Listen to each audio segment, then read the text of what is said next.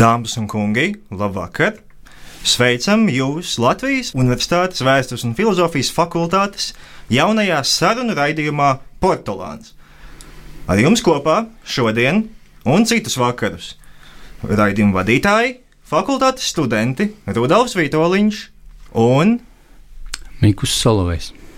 Kā arī, protams, sarunas viesis, kas šovakar ir LU vēstures profesors Aivars Stranga, nulle iznākušās monogrāfijas Latvijas neatkarības pēdējais cēliens autors. Jā, labvakar, un uh, gribam apsveikt profesoru jūs ar grāmatu. Uh, Latvijas neatkarības pēdējais cēliens 1939. gada 23. augusts, 1940. gada 17. jūnijas. Un, uh, pat uh, nosaukumā ir zināms dramatisms, pēdējais cēliens, uh, kā arī akcentētie gadu skaitļi nu, liek nojaust, ka vēstures plūdumā ir notikumi, kuri burtiski izmaina pat laužu vēstures gaitu. Un jūsu grāmata sākās ar teikumu: 1939. gads bija liktenīgs visai pasaulē. Un pētījums nenoliedzami ir aktuāls arī šobrīd.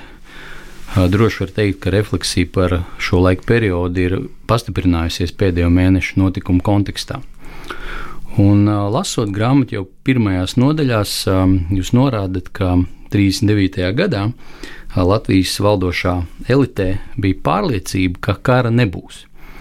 Un ka lielvalstis ievēros neutralitāti. Un jūs pat minat piemēru, kur Mārtiņš Augusts Nukše, kas bija viens no pieredzējušākajiem Latvijas ārlietu ministrijas darbiniekiem, pat uzskatīja, ka Latvijai nekādas briesmas nedraud. Un pat valda uzskats, ka Latvija rīkojasies gudri un savā veidā ir apspēlējusi lielvalstis. Kas tas bija? Tas bija tāds politiskais ideālisms, informācijas trūkums, no kurienes rodas šis iespējas par šo te rožaino skatu un tādu tā kā neatbilstību realitātei. Nu, jūs teicāt, Latvijas elite ir ļoti grūti pateikt, vai tā domāja liela sabiedrības daļa, bet noteikti tas, ko mēs saprotam ar valdību, varbūt ko mēs varētu teikt arī zināmā mērā Ulmaņa, nu, teiksim, tuvākie cilvēki, tad patiešām valdīja tāda doma, ka tā kā mēs esam neitrāli, mēs esam pasludinājuši neutralitāti, absolūto neutralitāti, tad šo neutralitāti arī lielvalstis ievēros. Nu, protams, šodien tas skan ārkārtīgi naivi. Neutralitāte ir visumā diezgan vilinošs variants, jo liekas tā, mēs nekur nejauksimies bet arī mūs atstājiet mierā. Bet problēma ir tāda, ka neutralitāte ir jēga tikai tad, ja lielvalstis to ievēro. Un, diemžēl tas bija laikmets, kad nevienas valsts neutralitāti īstenībā, nu, izņemot varbūt Šveici un jau daudz nosacītākā Zviedriju, neviens nevēlējās daudz īstenot. Bet bija arī vēl viens tāds moments, par ko runāt, protams, ir diezgan sāpīgi. Latvija bija autoritāra valsts, un bija ļoti daudz uzkurināts ulmaņa kults. Un šajā kultā sastāvdaļa bija tāda, ka vadonis visu paredzēs. Vadonis visu paredzēs, vadonis redz kilometriem tālu, vadonis ir ārkārtīgi gudrs vai ne, un vadonis novērsīs visas briesmas. Un tad, kad šīs briesmas tuvinājās, es varu saprast autoritārā režīma propagandistus, tādus kā Alfrēds Bērziņš. Nu, ko tad darīt? Briesmas tuvojas, bet bija taču apsolīts, ka vadonis šīs briesmas novērsīs. Tad uzticība ir vadonim, vadonības kultam vai ne.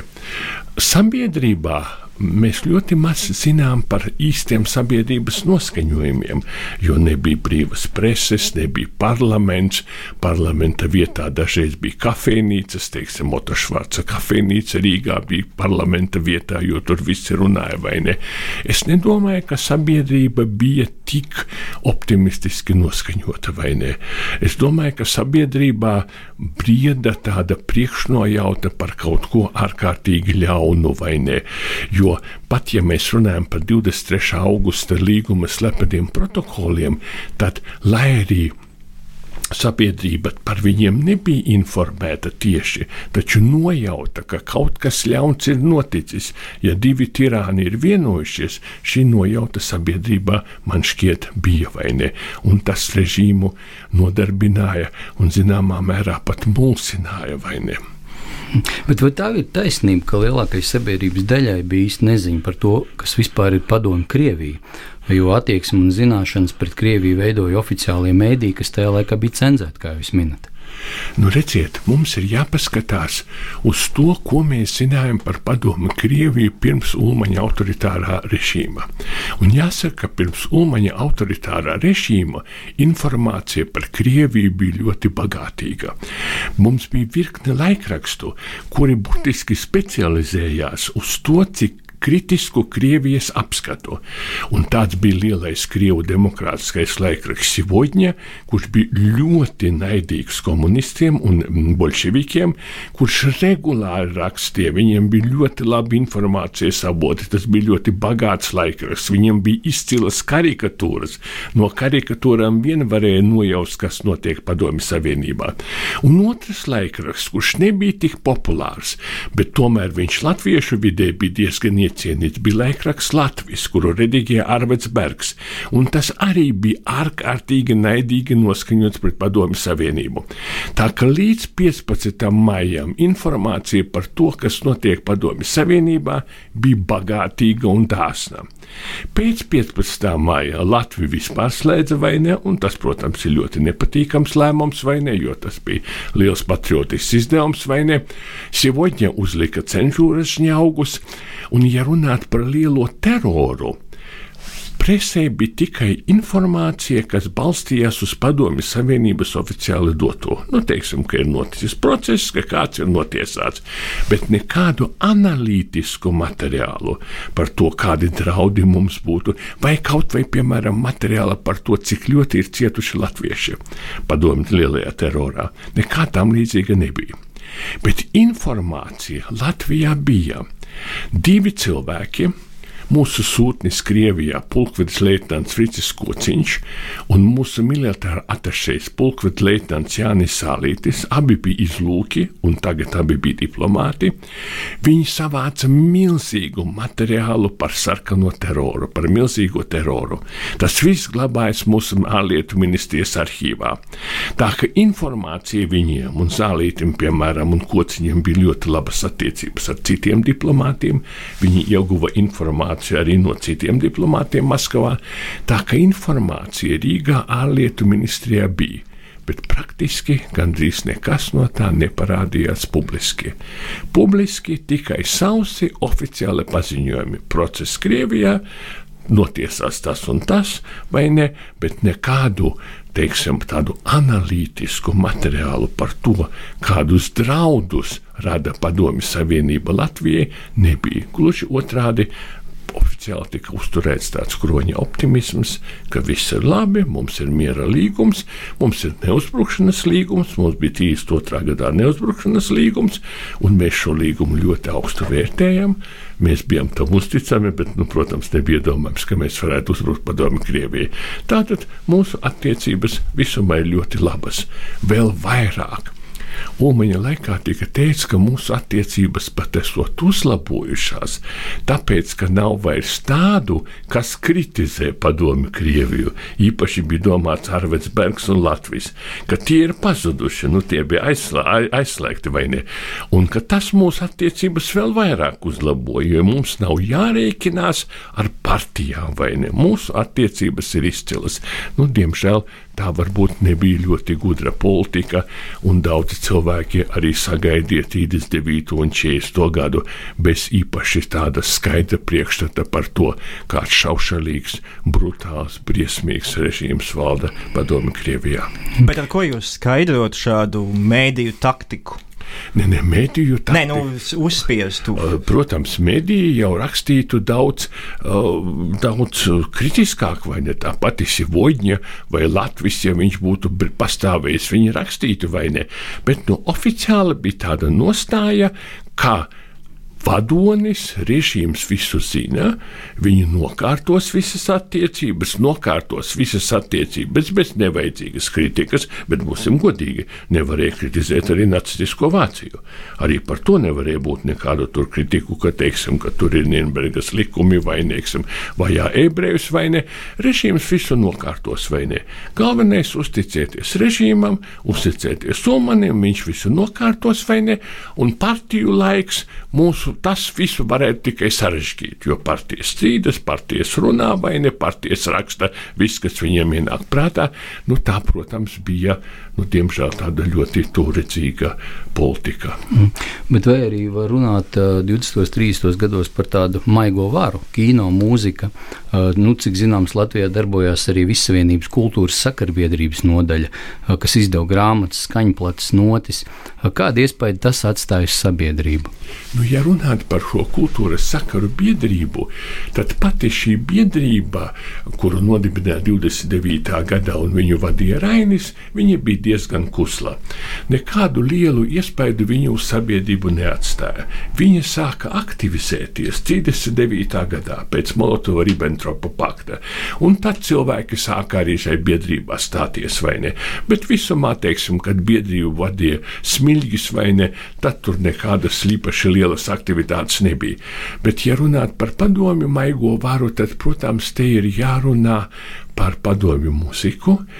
Jāsaka, ka šī mūzika bija ļoti melodiska, un Dunajevskis šeit vispirms, un viņš bija populārs latviešu valodā. Viņu ieskaņoja arī daudzi slaveni latviešu dziedātāji vai ne. Padomju kino kas visumā bija Holivudas kino pakaļdarinājums. Tas bija Aleksandrs, Georgijs Aleksandrs, kurš kopā ar Eisensteinu bija Holivudā 30. gadu sākumā. Viņi pārņēma Holivudas komēdiju tehniku. Un tādas komēdijas kā Jautrie zēni, Volga, Volga, Cirks vai ne, viņas patiešām bija tehniski ļoti spožas komēdijas un smieklīgas. Jautrie zēni ir ļoti smieklīga komēdija, kurai klāt vēl nāca šī brīnišķīgā Dostojevska mūzika, piedodiet, Dunajevska. mūzika, kura, protams, paveda cilvēkus, jo viņa bija ļoti viegla, viņu varēja dziedāt vai ne, un tādā ziņā, protams, Maskavas radio bija ļoti populāra, bet arī šī muzika bija populāra pat legāli, ne tikai caur Maskavas radio. Tā ka visumā tas priekšstats par padomju savienību, vismaz daļā sabiedrības, viņš bija diezgan idealizēts priekšstats, vai ne? Tas bija priekšstats par tādu sabiedrību, kā Stalins teica, šis stala liekči, šis stala veselī, ka viņi dzīvo vieglāk un viņi dzīvo jaut, jautrāk, vai ne? Un neviens jau īsti, kā viņi tur dzīvo, nezina, nezināja, jo Protams, nekāda turistu brauciena īsti nepastāvēja to laiku, vai ne? Neviens tur īpaši daudz neceļoja. Tā ka jā, es jums piekrītu, ka diemžēl priekšstats par padomi Krieviju varēja būt, nu tā viņu sauca tautā, viņa bija padomi savienība, diezgan idealizēts. Mm. Jā, bet, ja steidzamies notikumiem nedaudz uz priekšu, tad eh, nu, pirmajās okupācijas dienās, 40. gadā, kas ir tie cilvēki, kas sāka veidot padomu Latvijas stāstu? Jā, jo eh, nu, tur iznāca no politiskās pagrīdes, bija kādi, kas atbrauc varbūt no Maskavas, bet arī agrāk, kā mēs redzam, politiskā, ekonomiskā elite, viņi piedalās pie šī stāsta veidošanas. Kādi ir iemesli, jūsuprāt? Nu, te ir jārunā par vairākām grupām. Nu, viena grupa, tie visaktīvākie kolaboracionisti, viņu ulmaņa laikā ne mazākā mērā nebija cietuši. Tas nozīmē, ka nacionālā nodevība, un jārunā īstiem vārdiem, viņi bija nacionāli nodevēji, viņi jau nerodas no tā, ka jūs dzīvojat slikti. Vilis Lācis nekad nebija dzīvojis tik labi, kā viņš dzīvoja ulmaņa laikā. Viņš saņēma lielus honorārus no jaunākām ziņām, viņš uzrakstīja scenāriju filmu filmai Zvejnieka dēls, kas bija liels panākums. Viņš saņēma daudzus tūkstošus vai ne. Augusts Kirkensteins profesors uzbūvēja labu māju pārdaugavā vai ne. Tā ka šā viena šā šaurākā kolaboracionistu grupa, viņi nebija cietusi no Ulmaņa režīma ne mazākā mērā vai ne. Tad bija tāda otra grupa, plašāka. Tie bija bijušie sociāldemokrāti. Un sociāldemokrātija bija lielākā Latvijas partija un lielākā arī atbalsts saimnes vēlēšanās. Viņu līderis, dr. Fricis Menders, viņš rakstīja savā atmiņās vēlāk, ka tad, kad ienāca Krievi, man bija zināms atriebēja gandarījums, ka es atriebos par to, ko Ulmanis ir nodarījis. Nu, ko Ulmanis jau viņam neko šaušalīgu nodarījis nebija, bet tomēr iebāza liepais koncentrācijas nometnē, jūs vairs nevarējāt, teiksim, būt saimā vai ne. Tā ka šī plašāka grupa bija tie bijušie kreiso uzskatu cilvēki, kurus Ulmanis zināmā mērā ar apvērsumu veicināja viņu nelojalitāti. Bet tad bija trešā grupā, un tā ir tāda mums liecina diezgan smagas pārdomas. 31. gadā pēdējās saimas vēlēšanās aptuveni 60 tūkstoši cilvēku Latvijā nobalsoja par komunistiem. Tas ir par strādnieku zemnieku frakciju. 60 tūkstoši. Bergs netika parlamentā. Iedomājieties, Bergs, kas bija vēsturiska figūra latviešu politiskā dzīvē, bet komunisti tika.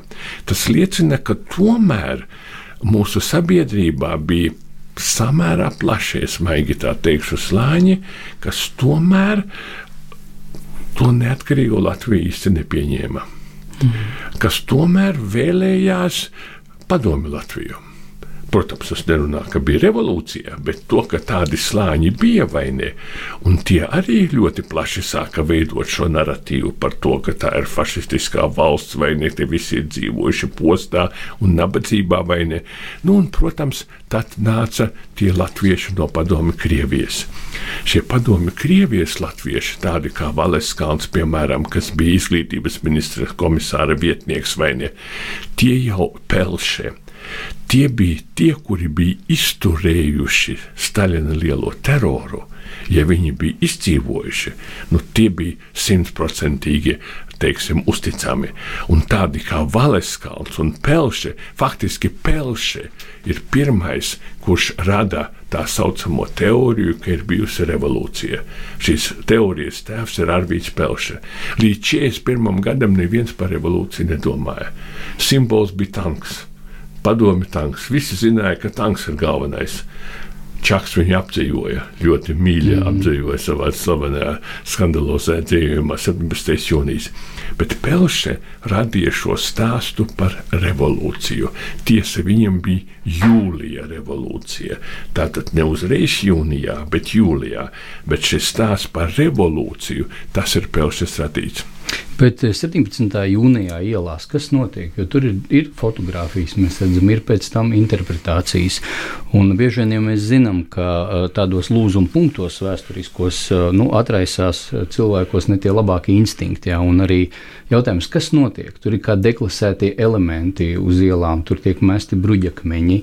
Uh, tur ir kaut kāds pūlis, kas kaut kur dodas. Jā, tur ir dažādos avotos, ir dažādas versijas. Kas, kas tie ir par cilvēkiem, kas ceļ tās nekārtības?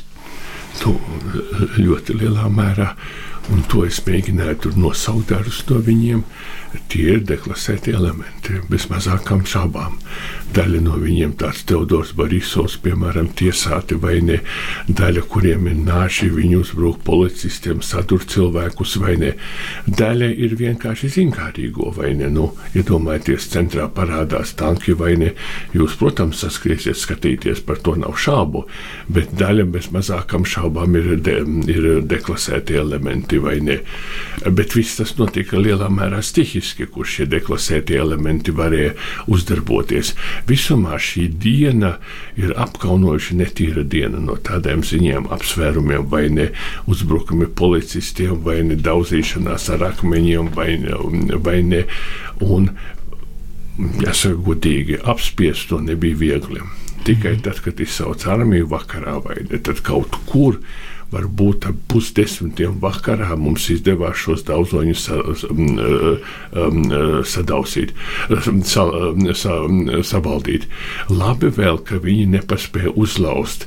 Tuvu staciju bija tāds sīpoli ieroču veikals. Viņi izdauzīja logu, nu varbūt skatlogā tur kāda pistole bija izlikta vai ne, bet ja viņi to būtu izdauzījuši un izlaupījuši, tad visticamāk upuru bija vairāk vai ne. Tā bija tāda stihiska lumpenu, tādu skrandu arī proletāriešu dumpis, vai ne, vai tā varētu teikt, vai to, kas bija organizējis, to mēs īsti nekad nezinām. Ir versija, ka to bija saorganizējuši Krievi vai ne. Nu, to versiju mēs nekad neesam spējuši mm. apstiprināt, jo tādu īsti avotu mums nav.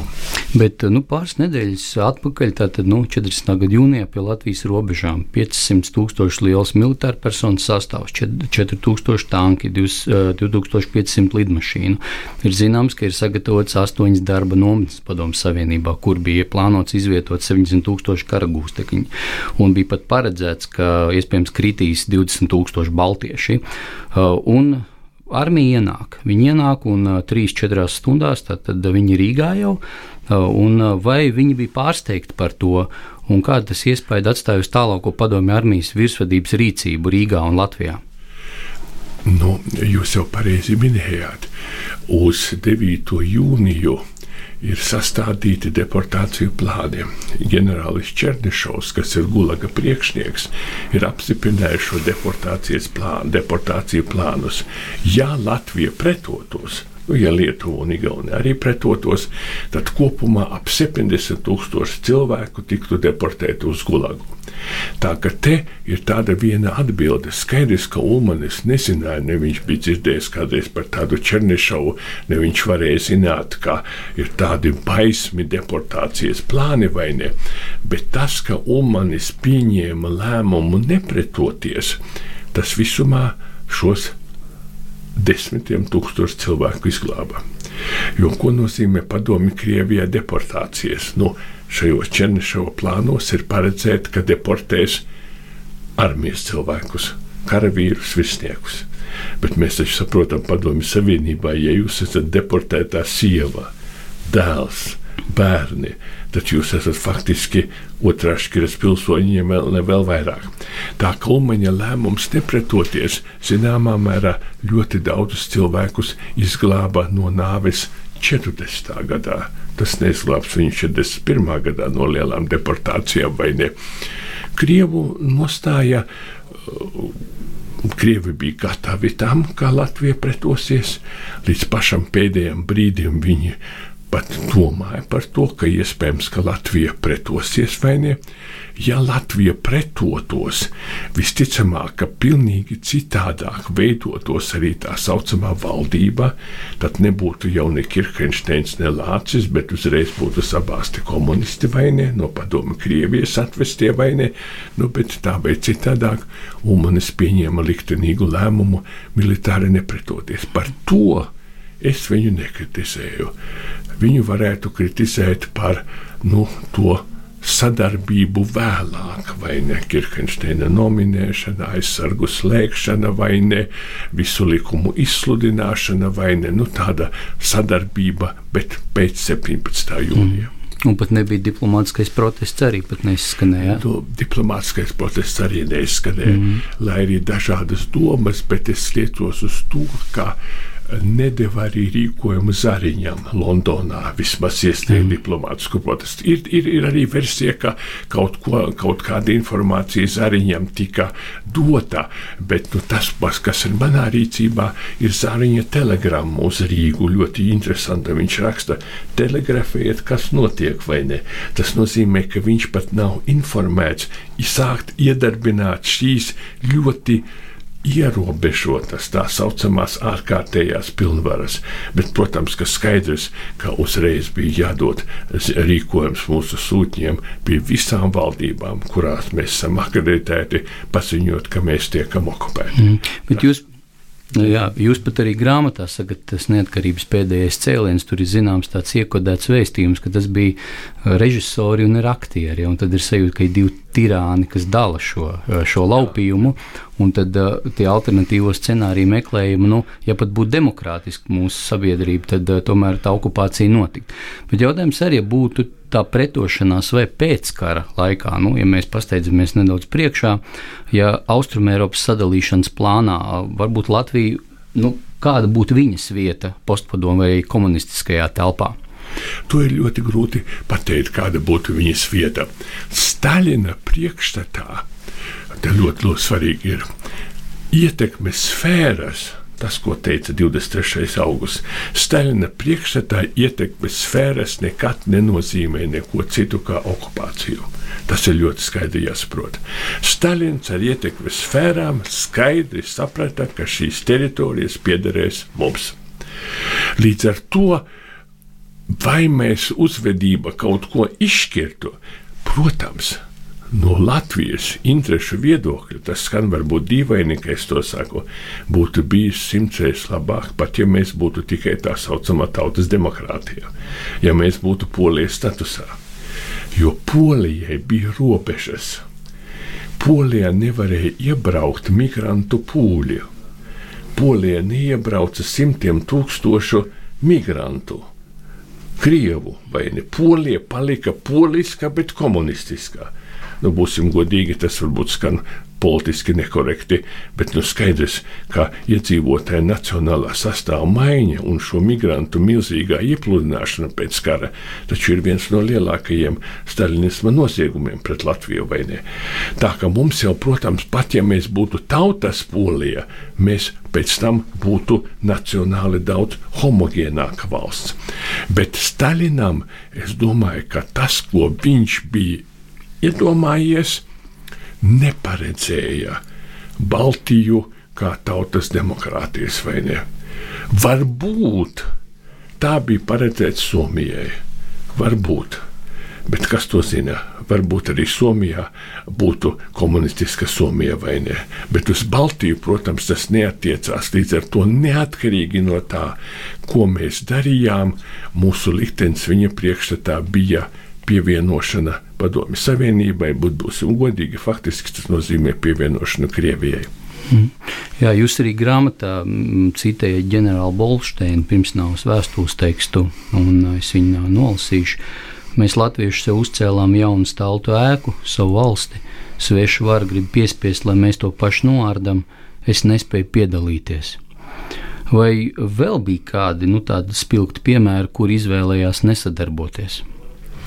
Tādu piemēru tādi, kas izvēlējās nesadarboties, varbūt arī bija.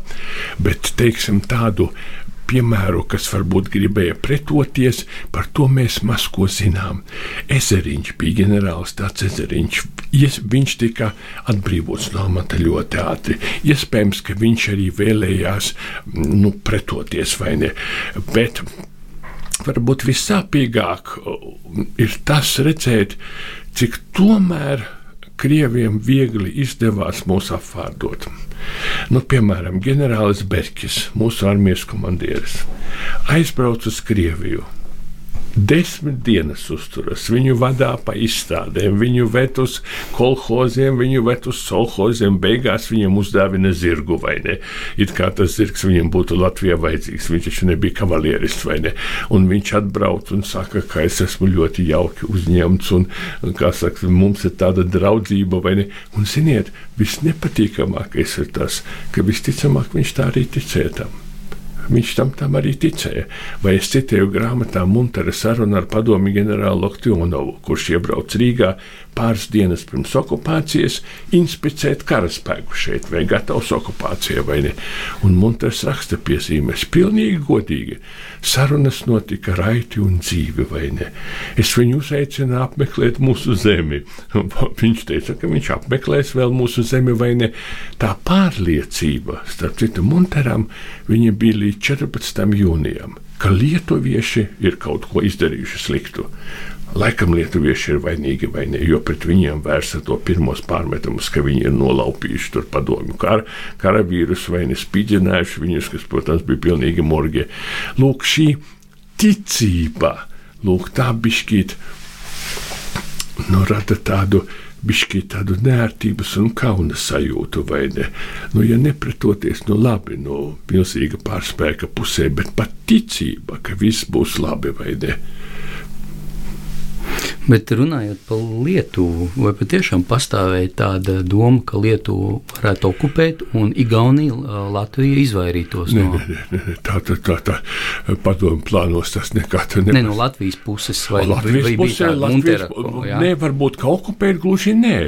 Varbūt tā, varbūt viņš arī tik tā tālu nedomāja, bet, nu, ka lietuvieši ir vainīgi vai ne, un ka Lietuvā tur būtu jāmaina valdība varbūt, un ka tur kaut kas nāks, teiksim, Krieviem draudzīgāk beigās bija tāds ģenerālis Raštīks, domāju, ka viņš nāks, un ka mēs, kā ar Lietuvu, tur ir kāds pamats konfliktam Krievijam, ka lietuvieši varbūt kaut ko tur ir arī izdarījuši kļūdīgu, bet ka mums tāda konflikta nav, ka mums viss ir notiek ļoti labi vai ne.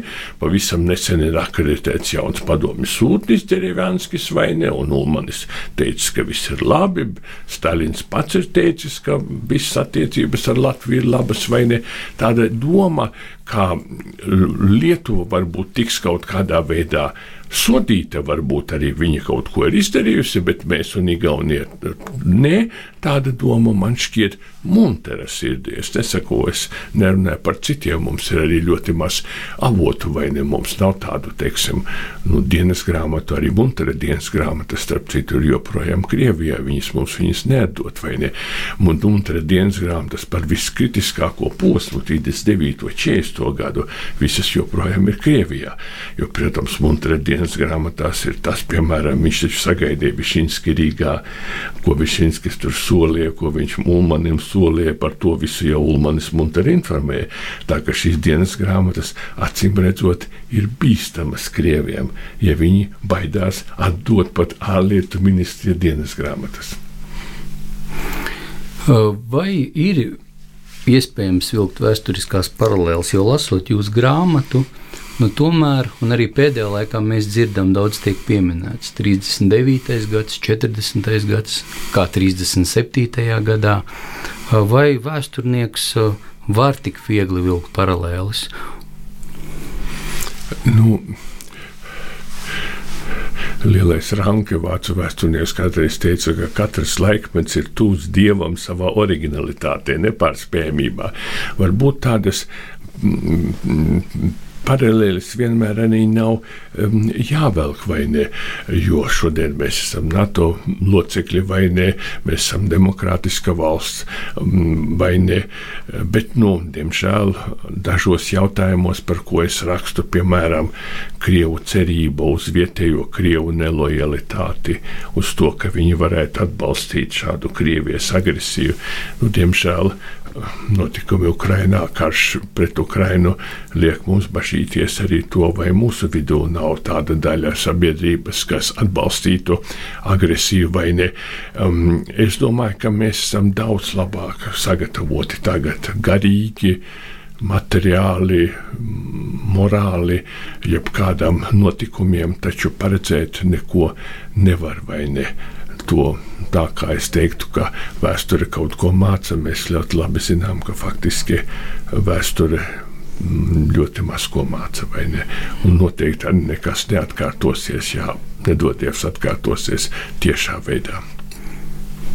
Un, jā, kā jūs vispār raksturot tādu varbūt latviešu kolektīvajā atmiņā, kas šobrīd ir, kā, kā jūs redzat, kā mēs redzam šo laika periodu? Uh, Ir arī pretēji viedokļi gan par 40. gadu, gan par 17. jūniju, gan par tiem iemesliem, kas izraisīja varbūt nu, tādu notikumu secību. Kā mēs redzam šo ļoti nu, traģisko laiku Latvijas neatkarības vēsturē? Nu, es domāju, ka tā man liekas, ka kolektīva atmiņā mums nav daudz uh, domstarpību vai daudz variantu par to, ka tā bija neizprovocēta agresija pret mūsu valsti, kurai sekoja okupācija, kurai sekoja savukārt aneksija. Varbūt mūsu kolektīvajā atmiņā Varbūt ir dažādi viedokļi par to iepriekšējo posmu, par ulmaņa laikiem, vai viņi bija tur zelta laiki, vai viņi nebija zelta laiki, par iepriekšējo laiku, bet par 40. gadu es nedomāju, ka kolektīvā atmiņā ir kaut kas vairāk. Gluži otrādi, es domāju, mums ir tāda vēlme eh, šodien eh, pierādīt, ka tā kā tas notika, tas nekad vairs nevar notikt. Proti, notika bez mūsu protesta, bez pretošanās, vai ne? Es domāju, ka tā ir tāda mācība, ka tā kā tas notika 40. gadā, proti, ka mēs nepretojamies, ka tā tas nevar notikt. Bet ka būtu kaut kādas tur. Um, nu, es domāju, vismaz latviešu sabiedrībā nekādu domu kolektīvu atmiņā, ka tā bija sociālistiskā revolūcija. Nav vai ne, tas ir pelšas izgudrojums vai ne. Jā. Paldies, profesor, par sarunu. Paldies, ka atradāt laiku. Lielas paldies! Un dodamies muzikālā pauzē. Raidījums ir noslēdzies, un raidījums Portugāns pie jums atgriežas pēc divām nedēļām šajā pašā laikā, piekdien, septiņos. Visu labu!